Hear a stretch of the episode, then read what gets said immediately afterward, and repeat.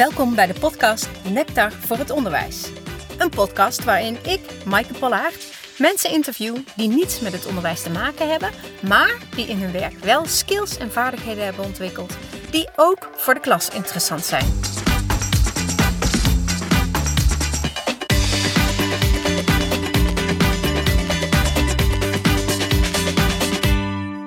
Vandaag spreek ik met Dirkje van der Ven. Dirkje, jij bent gedragskundige uh, en jouw bedrijf heet Wavy.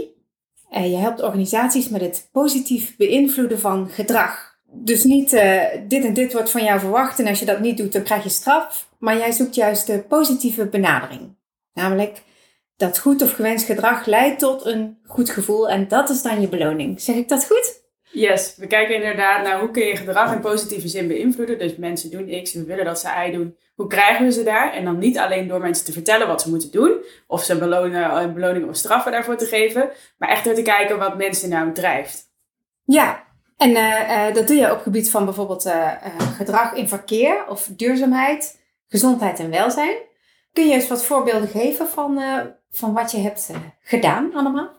Ja, zeker. Nou ja, heel actueel is natuurlijk een corona-aanpak die ik in een ziekenhuis heb gedaan. Te kijken hoe kunnen we nou bezoekers helpen om die anderhalve meter te houden. Of om eerlijk te zijn als ze klachten hebben. Want het is natuurlijk niet erg als je in een ziekenhuis komt. Het is alleen wel fijn om te weten. En hoe kunnen we de medewerkers nou helpen om die anderhalve meter te bewaren. Ondanks dat het hun werk niet altijd lukt. Dus dat soort dingen ben ik mee bezig. Maar ik ben nu bijvoorbeeld ook bezig met het ontwikkelen van een campagne om reizigers te stimuleren om meer uit een reistijd te halen. Dus door niet juist in de file te gaan staan, maar een keer met de fiets te gaan of met het OV of misschien uh, te carpoolen, dat je in ieder geval de auto deelt. Uh, waardoor uiteindelijk de druk op de weg wel meer vermindert. En dat zijn dan reizigers die naar Nederland komen? Of? Nee, dat zijn reizigers die nu op de snelweg in Nederland rijden. Oh, oh zo. Ja, oké. Oh ja, nou ik eh, zit met, met het woord reizen al helemaal in de zomer. Maar, Was het maar zover. nou, inderdaad. Ja, ja, ja, maar bijvoorbeeld ook forensen en zo. Dat, uh, Precies, je hebt het over uh, forensen, maar ook over het winkelend publiek of mensen die een dagje uitdoen. Uh, studenten zitten ook nog best wel eens op de weg, zeker nu. Dus uh, eigenlijk van alles door elkaar om te kijken hoe kunnen we nou files verminderen en zorgen dat mensen gezonder, duurzamer, leuker gaan reizen. Oké, en, en hoe, hoe, hoe zorg je daarvoor? Nou ja, het lastige aan in dit specifieke vraagstuk is dat het natuurlijk voor iedereen anders is wat je uit je reistijd wil halen. Dus de ene die heeft even behoefte aan een momentje rust, een momentje voor zichzelf. Uh, nou, die kan misschien beter in de trein gaan zitten uh, uh, dan dat hij gaat carpoolen. Want dan heb je natuurlijk iemand die tegen je aan kwekt. Ja. Um, en de ander die zoekt juist het sociale contact op. En nou ja, die, de, of, of wil beweging uit een reis te halen. Wil juist zorgen dat je al je calorieën verbrand hebt voordat je op je werk bent. Of voordat je bij je vrienden bent. die kan beter met de fiets gaan. Dus we zetten heel erg in op wat is voor jou belangrijk en hoe ga jij er het meest uithalen. En bieden dan vervolgens de tools en de voorbeeldfiguren, dus ook, mensen die het al doen, die een goed verhaal kunnen vertellen. Om te zorgen dat je dat ook echt kunt gaan doen. Ja, je zoekt de beloning in wat mensen al zoeken of zoiets. Ja, ja we kijken naar wat, wat drijft mensen om iets te gaan doen. Wat is iets waar zij voldoening uithalen. En hoe kunnen we die voldoening dan weer koppelen aan de reistijd die ze maken. Ja. Dus hoe kunnen we eigenlijk die reistijd op een andere manier gaan waarderen dan we moeten nou eenmaal reizen. Zeker als we straks de coronacrisis uitkomen en we mogen allemaal weer. Ja, als je gewend bent dat je bijna niet hoeft te reizen voor je werk en nu ineens ga je wel weer in de file staan, dan voelt het echt wel een beetje als tijdverspilling. Ja. hoe kun je die tijd zo goed mogelijk benutten? Aha. En uh, hoor ik je dan, want je probeert dus heel erg op de persoon aan te sluiten, of de behoeften van een individu. Ja. Uh, dat lijkt me ook gelijk het moeilijke. Ja, daarom bieden we eigenlijk het individu zelf de opties. Ja. Uh, met bijna de boodschap, maak je keuze. Maar maak een slimmere keuze dan dat je nu doet. Oké. En zijn mensen daar gevoelig voor? Dat hopen we wel. Kijk, waar mensen minder gevoelig voor zijn, is als je zegt: jij zou het zo moeten doen, want dat is beter voor de planeet, of beter voor de samenleving, of beter voor al die andere mensen die wel koppig met een auto in de file willen gaan staan, want dan staan die niet meer in de file omdat je oh, ja. Um, kijk, dat, dat zijn argumenten die kunnen wij voor mensen verzinnen, maar iemand doet iets omdat er een bepaalde gewoonte in zit, of omdat er een bepaalde behoefte ligt uh, aan, aan comfort of aan rust. Of, juist aan flexibiliteit, die misschien een ander vervoermiddel of een andere manier van reizen, want eerder en later vertrekken kan bijvoorbeeld ook, of niet reizen, dat is tegenwoordig ook al, uh, al hip, gewoon het thuiswerken. Ja. Nou ja, dat, dat vervult misschien niet diezelfde behoefte. Dus we, vragen, we leggen mensen eigenlijk een paar keuzes voor. Als alternatief voor met je auto in de file gaan staan. Om te kijken welk alternatief past dan het best bij wat zij eruit willen halen. Uh, en zo gaan we ze beïnvloeden om een andere keuze te maken dan ze nu doen. Eigenlijk om door uh, uh, te beginnen bij wat wil je nou eigenlijk? Wat is belangrijk voor jou? En op het moment dat je zegt, nou, ik wil meer beweging. Nou ja, dan is het wel gek als je met je auto in de file gaat staan. Terwijl je ook met de fiets had kunnen gaan. Ja, ja, ja. Maar nou moet ik denken aan wat ik laatst iemand hoorde zeggen. Die zei, we weten, dat het, we weten allemaal dat het onverstandig is om s'avonds om half elf eh, terwijl je achter Netflix zit om dan nog een zak chips open te trekken en een pilsje erbij te pakken. En toch doen we dat. Ja. Waarom doen we dat? Ja, dat is het heerlijke aan de mens. Dat vind ik zo mooi. ik doe precies hetzelfde. Ik ben ook een mens. Jij ook. ja. We zijn het allemaal. En we weten het ook allemaal dat we het doen. Maar wat erachter zit, is dat we dus helemaal niet zo rationeel denken als dat we zouden willen denken. Dus we denken dat we hele logische beslissingen maken. Nou, dit is goed en dit is niet goed, want we hebben bepaalde redenen, is iets gezond of niet gezond, handig of onhandig. En dan denken we, oké, ja, maar dat nemen we dus mee in de beslissing die we maken. Ja. Maar in werkelijkheid is min of meer 95% van de beslissingen die we maken, en sommigen zeggen zelfs 99%, bijna alles, gaat automatisch en onbewust. Dus daar word je je vaak pas bewust van als je de beslissing al gemaakt hebt. Oh. Of niet eens. Je wordt er niet eens bewust van. Of je bent je er zeker bewust van, maar het gaat zo automatisch dat je er eigenlijk geen invloed meer op hebt. Oh, ja, ja. Dus jouw automatische brein denkt, chips, lekker. Ja. Dat is gewoon een koppeling die in je hoofd zit. Chips is lekker. Waarom zouden we dus geen chips eten? ja. En voordat je die redenatie hebt afgemaakt, nou omdat we eigenlijk hadden bedacht dat er misschien wat veel calorieën in zitten. En vanochtend heb ik toch ook al een taartje opgegeten, want mijn collega was jarig. En nou ja, voordat we die redenatie hebben gemaakt, hebben we die zak chips al in handen. Ah, oké. Uh, maar heb jij dan ook de tip hoe moet ik dan morgen wel die zak chips of vanavond die zak chips laten liggen?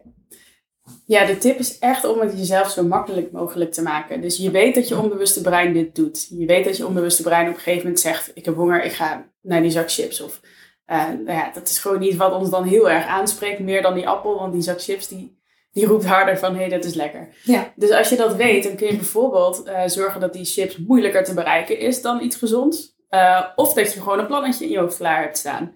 Ah. Um, dus wat je kunt doen, uh, iets wat heel goed werkt bij gezond eten, is een als-dan plan uh, maken. Dus dat heet een implementatie-intentie, maar ik noem het liever een als-dan plan. Um, want wat je doet, is je zegt, als ik s'avonds honger krijg, dan pak ik een kop thee of een appel. Of dan um, zet ik mijn chips achter slot en grendel. Dat kan natuurlijk ook. Ja. Uh, en op het moment dat je dat als-dan plan hebt, dan heb je een soort programmaatje in je hoofd geschreven. En die moet dan nog wel uitvoeren natuurlijk. Maar je hebt het programma alvast geschreven. En als de situatie er dan voordoet, dan kun je dat programma aanzetten van... Oh ja, als, als ik s'avonds zin heb in een zak chips, dan pak ik gewoon een kop thee. Waardoor de kans groter wordt dat je uiteindelijk die kop thee pakt in plaats van de, de Ja. chips. Aha, oké. Nou, dat kan ik volgen. En ik kan me ook voorstellen dat het werkt. Bij dingen die me zoiets opleveren als een eh, prachtig slank lijf of eh, gezondheid of zoiets. Maar nou, want we maken dit natuurlijk voor docenten. Nou zit ik op de middelbare school en moet ik huiswerk maken. En als ik dat niet doe, dan krijg ik morgen... Nee, hoe werkt die dan? Ja, dan zit je in het, het vlak van intrinsieke motivatie, extrinsieke motivatie. Ja. En dat is best wel een, eh, een, een interessant onderdeel. Kijk, als jij een als dan plan hebt gemaakt voor het minder chips eten, Ja. dan doe je dat waarschijnlijk al omdat je gemotiveerd bent om minder chips te eten. Ja. En dat is niet omdat je zelf bedacht hebt van nou, ik wil me wat fitter voelen of eh, ik, ik, wil, ik wil die troep s'avonds niet meer in mijn lijf of ik wil na negen uur. Nou ja, wat dan ook de reden is, je hebt er je redenen voor. Ja.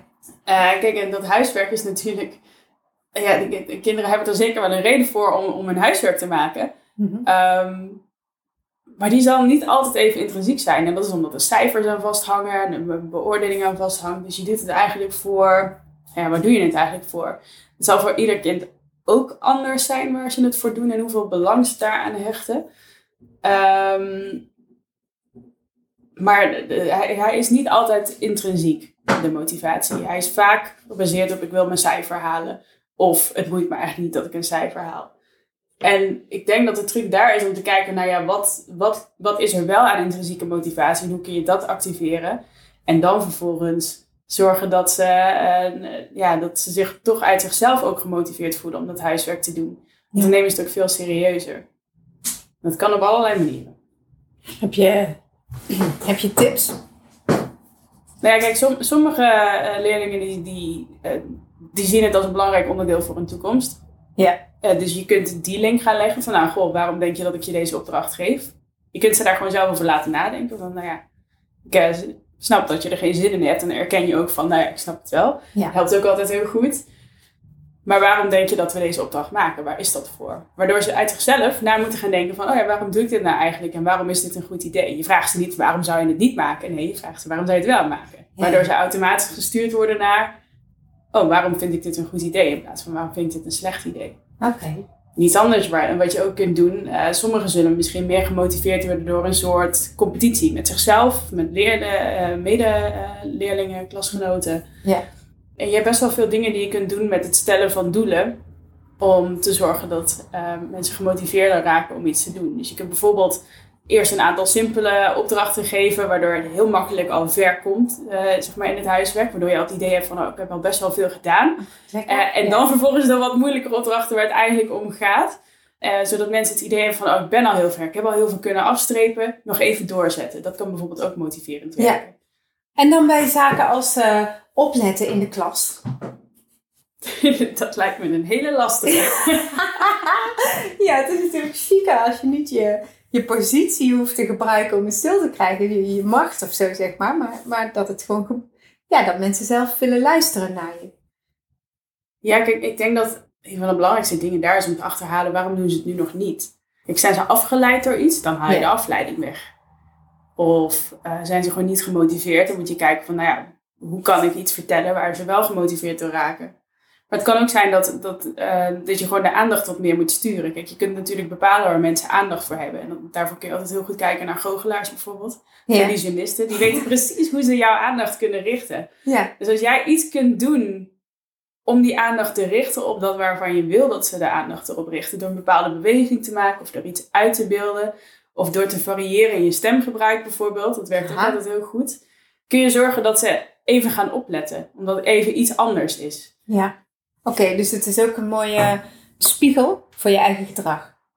Ja, kijk, het kan ook een spiegel zijn van de omgeving. Als jij in een klaslokaal zit waar allemaal posters van, eh, van hele interessante games, weet ik, waar, waar ze tegenwoordig van houden. Ja. Eh, de- als, als je daar in een klaslokaal nou, dingen vol hebt hangen en mensen kunnen overal naar kijken en er zijn verschillende dingen die een gesprek tussen leerlingen kunnen opwekken bijvoorbeeld, Ja. of in de opdrachten zit dat, eh, dan is de kans groter dat ze afgeleid raken. Dus het is denk ik altijd een samenspelling, een spel van de hele context. Dus je hebt de docent zelf, die natuurlijk bepaalde dingen kan doen om de aandacht vast te houden of juist kwijt te raken. Je hebt de omgeving, je hebt ook de, de, gewoon de context van de leerlingen. Misschien hebben ze net een, een hele les gehad waarin ze echt hartstikke veel te bespreken hadden, maar dat niet kwijt konden, waardoor ze dat nu nog even kwijt eh, konden. Je Ja. zal, zal er echt niet altijd iets aan kunnen doen. Nee. Ja, Eh, klopt. maar als je kunt achterhalen waar het hem in zit, dan weet je ook wat je moet doen om het eruit te laten. Oké. Nou heb ik ook gehoord van eh, nutjes. Schouderklopjes heb ik begrepen. Duwtjes noemen we ze Oh, meer. Ja. duwtjes. Kun je er wat over vertellen? Ja, nudging is een, ehm, een type gedragsbeïnvloedingsstrategie waarbij je, de, nou ja, een heel duur woord, keuzearchitectuur aanpast. Kijk. Op een manier dat het gedrag verandert zonder dat er een incentive aan hangt. En een incentive is dus iets wat eh, bijvoorbeeld eh, meer geld oplevert of minder, of, of een straf of, of een regel waardoor iets gewoon echt letterlijk niet mag. Eh, dus het is een, een automatische manier van sturen, vaak door een omgeving of een context, Ja? Eh, waardoor mensen iets anders gaan doen zonder dat ze erbij na hoeven te denken en zonder dat ze benaderd worden. Oké. Heb je, zijn er voorbeelden van? Ja, eentje die in het onderwijs zit, maar niet letterlijk in de klas, zeg maar, maar die is wel heel bekend. Eh, ze hebben een hele belangrijke nudge toegepast bij de duo. Eh, want als het ging om de studiefinanciering, dan kon je een lening aanvragen als student. En je kon als student aangeven, wil je zelf een bedrag invullen of wil je maximaal gaan lenen? Dan Ja. kon je maximaal bolletje invullen of je kon een bedrag invullen. En toen zijn er gedragswetenschappers naar gaan kijken, want er werd behoorlijk wat geleend door studenten. Ja. En die zagen dat best wel veel studenten maximaal lenen hadden aangegeven. Terwijl dat in heel veel gevallen echt niet nodig is. Dus wat hebben ze nou gedaan? Ze hebben gezegd, weet je wat, je mag nog steeds maximaal lenen, maar we halen het bolletje weg. Je moet gewoon zelf dat bedrag dan intoetsen om erachter te komen hoeveel maximaal dan is. Of je moet het ergens opzoeken. Oh. En toen mochten ze alleen nog het bedrag intoetsen. Dus de keuzearchitectuur is gewijzigd, want je hebt dat bolletje niet meer, maar je mag precies hetzelfde. Dus je keuzevrijheid die is er nog steeds. Ja. Maar heel veel eh, minder studenten kozen het maximumbedrag. Omdat ze zelf gingen nadenken, gedwongen, over wat voor bedrag wil ik lenen. En dus niet automatisch, onbewust op die maximaalknop Ja. hebben gedrukt. Ah, wat grappig. En dat heeft gewoon de, de studieschuld van studenten drastisch omlaag gebracht. Zoiets simpels. Nou, inderdaad. En ik heb ook wel eens, eh, ik, want ik had natuurlijk voorbereid dit gesprek en toen had ik er even op gegoogeld. En toen zag ik bijvoorbeeld van die voetstapjes die naar een prullenbak lopen. Ja, ja. Dat is er ook één, toch? ja, dat is misschien wel het meest klassieke voorbeeld Oh, inderdaad van eh Ja. nudging dat je hebt. Ja, mensen volgen gewoon heel graag letterlijk een andermans voetsporen. Dus Oh die ja. voetstapjes gebruiken ze langs snoeproutes van scholen naar supermarkten. Om de, de leerlingen een soort wegwijs te maken in hier staat de prullenbak. En omdat je die voetstapjes ziet staan, krijg je een soort onbewuste associatie met oh, hier lopen dus mensen naartoe. Ah, oké. dus eh, zou je dan in de klas bijvoorbeeld eh, kunnen zeggen op deze school eh, maakt eh 80% van de leerlingen elke dag zijn huiswerk braaf? Of zoiets. Ja, dat kun je doen. Ja, je mag niet liegen natuurlijk, maar... Nee, ja, nou, kijk, dat, wat je nu noemt is een sociale norm. Dus dat wat, Oh. wat de meeste mensen doen, dus. dat willen wij ook doen. En zeker Ja. eh, jongeren zijn er echt wel heel gevoelig voor, Ja. mits het geloofwaardig is. Oh. ja, ja, daar ga je dan. Ja, nee, wat, wat ze ook wel eens. ehm, eh, ze hebben dit ook wel eens willen doen, bijvoorbeeld bij, eh, bij afvalproblematiek. Dus mensen die van die afvalzakken bij de containers neerzetten, in plaats Ja. van dat ze die erin gooien. En dan eh, zetten ze van die borden neer, die overigens heel goed werken in de meeste situaties. Met eh, ja, nou, ongeveer 80% zet hun afval niet naast de container. Een hele rare zin om te lezen, maar in Ja. die concrete situatie werkte het heel goed. Maar ja, dat kun je dus niet copy-pasten naar een situatie waarin gewoon honderden zakken afval naast zo'n container staan. Want dan kun je wel zeggen, de meeste mensen doen het niet, Oh. maar dan denk je, Uh, oké, ehm, nou, ja, dat is niet helemaal wat ik hier om me, eh, om me heen zie. Waardoor zo'n bord ongeloofwaardig wordt en dan krijg je er juist weerstand tegen. Ja, ah, ja, ja. Oh, dan krijg je dat. Ja. Oké. En pas jij dat nutje ook toe in je werk? Ja, ja, dat is iets wat je bijvoorbeeld heel erg veel rondom corona hebt gezien. Dat je echt eh, mensen kon nudgen met bijvoorbeeld die stippen op de vloer om automatisch anderhalve Oh. meter te houden. Dat Ja, is echt, eh, dat is er een. Ja, dat is een hele bekende nudge. Of voetstapjes om aan te geven waar ze naartoe eh, moeten, wa- wat de, de looprichting is. Ehm, je kunt zo gek niet bedenken of je kunt het nudgen eigenlijk. Maar ja, ik, ik heb het ook wel eens gedaan hier op het Keizer Karelplein in Nijmegen. Toen hebben we eh, met duct tape hebben we fietsers genudged om eh, niet dwars door elkaar heen te fietsen, maar gewoon netjes recht voor, vooruit te gaan of rechtsaf. Dat heeft heel goed gewerkt om daar de opstoppingen weg te nemen. Ja. Ja, dat heb, dan heb je het over een klein stukje tape. Eh, Ja. Er is nog discussie over of dat dan echt een nudge was of niet. Want een wegbeleiding is natuurlijk ook een soort regel. En een regel is dan weer geen nudge. Ja, ja. Eh, maar hij werkte wel Ja, nou ik heb hem wel eens gezien en hij is wel heel leuk om te delen. Dus eh, ik zal hem even op mijn socials delen en dan kunnen mensen kijken als ze benieuwd zijn. Leuk. Ja. Wat ik nog wel leuk zou vinden, Dirkje, die, eh, die nutjes, dat is natuurlijk, ik kan me voorstellen dat je dat in de klas ook heel veel kan toepassen. Ik heb wel eens gezien dat docenten een Kahoot willen doen. En dan moeten leerlingen hun naam invoeren en dan komen er scheldwoorden en zo te staan. En dan, dat is dan irritant en dan is gelijk de sfeer verpest. Dus op het moment dat je dan zegt, eh, ik wil dat je je eigen naam gebruikt, ja, dan, dan wordt het al zo belerend of zo, zeg maar. Hè? Mhm. Kun je, zou je daar iets voor kunnen verzinnen? Ja, nou ja, hier kun je dus weer het beste kijken naar waar komt het vandaan. Hè? Dat ze dan het juist doen. En, en iets wat bij peuters al speelt, maar bij volwassenen minstens net zo. ja. is dat we het niet leuk vinden als iemand ons vertelt wat we moeten doen. Oh Dat ja. bepalen we zelf wel. Ah ja, ja. Dus we worden aangetast in onze autonomie. En die autonomie vinden we als mensen heel fijn. Dat we gewoon zelf kunnen beslissen wat wij willen doen. Ja. Dus als je tegen iemand zegt, maar je mag niet dit. Nou ja, drie keer Oh. raden wat iemand dan het interessantste en het leukst vindt om te doen. Want die pakt lekker zijn vrijheid terug en die doet het lekker toch. Ja. Dus een oplossing die daarvoor is, en dat is dus ook een nudge, is eh, dat je mensen de keuze aanbiedt. Eh, en je biedt ze juist niet de keuze aan neem een scheldwoord of neem je eigen naam. Ja. Nee, je zegt neem je eigen naam of de naam van je favoriete dier, maar dan met je eigen naam erachter, bijvoorbeeld. Oh, ja, ja. Waardoor je ze twee opties aanbiedt. Zo van, nou, je mag kiezen A of B. Maar C, de optie die zij hadden bedacht, dat is geen optie. Ah, Die noem je dus ook niet. En daardoor leid je aandacht af eh, van het scheldwoord. En breng je het toe naar de opties die ze wel hebben. Waardoor ze toch misschien creatief kunnen nadenken over iets. ja. Ehm, toch hun eigen keuzevrijheid hebben om te doen wat ze zelf willen. Maar wel binnen de kaders die jij maakt. Oh, wat grappig. Ja, dat doe je inderdaad ook bij peuters. Wil je smeer worst of smeer kaas op je brood? In Ja. plaats van wil je brood. Ja. Ja, precies. In plaats van snoepjes. Ja, ja dat ook. Ja, ik zei wel eens thuis, eh, dan, dan maakte ik de fout eh, door te vragen, wil je een boterham? En zei ze nee. En als ik dan vroeg, wil je worst of kaas op je brood? Dan, dan was die eerste hobbel al genomen. Precies. Ja. Ah ja, dat, ja, dat werkt dus eh, ook bij volwassenen en ook bij jongeren zo. Jazeker, dit hebben ze wel eens Ja. toegepast op plekken waar heel veel peuken op de grond eh, lagen. Daar hebben Ja? ze zo'n kast opgehangen.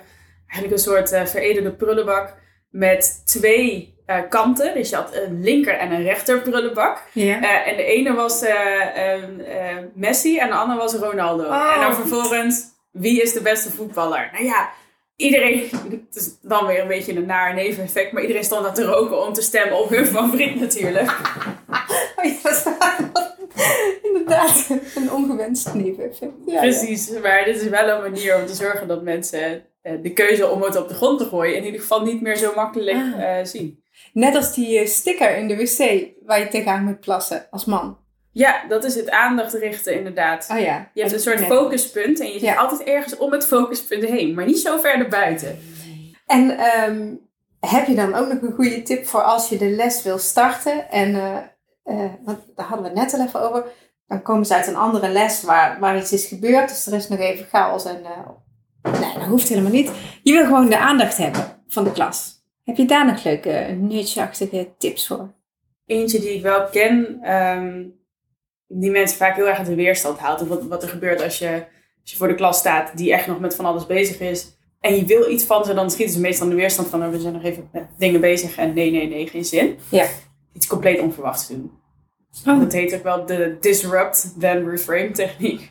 Ehm, je doet even iets dat helemaal niet in het patroon valt wat ze van je kennen. Dus je doet niet hetzelfde riedeltje iedere, iedere les, maar op- bij wijze van ga je achter het bord staan. Of Ja. kom je achterstevoren het klaslokaal ingewandeld of iets. Ja. Waardoor ze even uit hun patroon van, van ik was met dingen bezig gehaald worden. Want dan zijn ze van, hè, wat gebeurt er hier? En daarna opener staan voor wat je te vertellen hebt. Het is een hele bizarre, maar dat Ja. hebben ze een keertje gedaan bij een eh, onderzoek naar hoe een zwerver meer, eh, meer geld kon, kon, kon bedelen, zeg maar. Ja. Ehm, hebben ze gekeken eh, op welke manieren kun je dat nou vragen. En toen bleek dat de meest effectieve methode was als hij niet vroeg, eh hebt u 20 cent voor mij, maar hebt u x aantal pennies of zo, 263 cent of iets Oh. heel raars, waardoor mensen dit hadden van ja, Huh? hè? Eh, en dan zeiden ja, maar iets anders, eh, ieder klein beetje helpt. En dan gaven mensen dus daadwerkelijk sneller en meer donatie dan als hij het anders had gevraagd. Oh, wat grappig. Dus dat vervreemdende, dat eh Even uit het patroon Ja. halen. geinig. Dan kun je een heel handelingsrepertoire aan onverwachte dingen gaan aanleggen. Ja, maar ja, de saaie oplossing is natuurlijk om ze gewoon eventjes de tijd te geven om uit te ratelen wat ze nog nodig hebben. Dat je gewoon zegt, dan beginnen we. Ja, precies. Ja. Maar goed, ja, en dat is natuurlijk als ze uit een les komen waar, waar wat is gebeurd. Maar soms is het ook gewoon onrust. Of, of dan is het, eh, weet ik veel, donderdag het achtste uur. En dan is de zin er gewoon af, zeg maar. Ja, En dan moet je ze ook eh, toch weer zien te pakken natuurlijk. ja nee, dan zou ik echt iets onverwachts doen. Ja. Even, even bij de les. Maar dan door iets wat je niet per se van een docent verwacht. Leuk. Nou, goede tip, denk ik. Eh, dan, op eh, verzoek van luisteraars, introduceer ik een nieuwe rubriek in de podcast. En dat is de afsluitende vraag. Ehm, wat is jouw ultieme tip voor docenten naar aanleiding van dit gesprek? Oeh, Ja. dat vind ik een hele moeilijke vraag, maar wel een hele leuke. Ja. Nou ja, kijk, als het gaat om het veranderen van gedrag, is het belangrijkste dat je kijkt waar het vandaan komt. Ehm, dus niet zomaar eh, toepassen wat je altijd al hebt gedaan omdat het nu eenmaal je methode is. Maar probeer eens na te denken van nou, waar komt het nou vandaan dat leerlingen zich zo gedragen zoals ik niet wil dat ze zich gedragen. En stem daar ook je strategie op af. Ja. De, kijk, gedragsverandering is niet een trucendoos. Het is juist een werkwijze. Ja. Ik denk dat dat het belangrijkste is om mee te nemen als je het hebt over gedragsverandering in het onderwijs. Ja. En ook wel moeilijk misschien om dat ter plekke te doen. Ja. Maar goed, kun je altijd later nog eens over denken en de volgende keer weer sneller. eh. Precies. Leuk. Nou, goede tips. Leuke inzichten. Dankjewel, Dirkje. Ja, graag gedaan. Leuk om eh, te gast te zijn. Ja. Nou, eh, ook luisteraars, bedankt voor het luisteren. Tot bij de volgende podcast. Mocht je ondertussen andere podcasts willen luisteren die ook over onderwijs gaan, dan kan ik je de podcast Het Mysterie van de Goede Leraar tippen. Deze podcast is gemaakt door Marcel van Herpen. Marcel is van oorsprong ook leraar. En eh, in de podcast gaat hij op zoek naar wat de leraar dan goed maakt. Nou, tot de volgende keer bij Nectar voor het Onderwijs.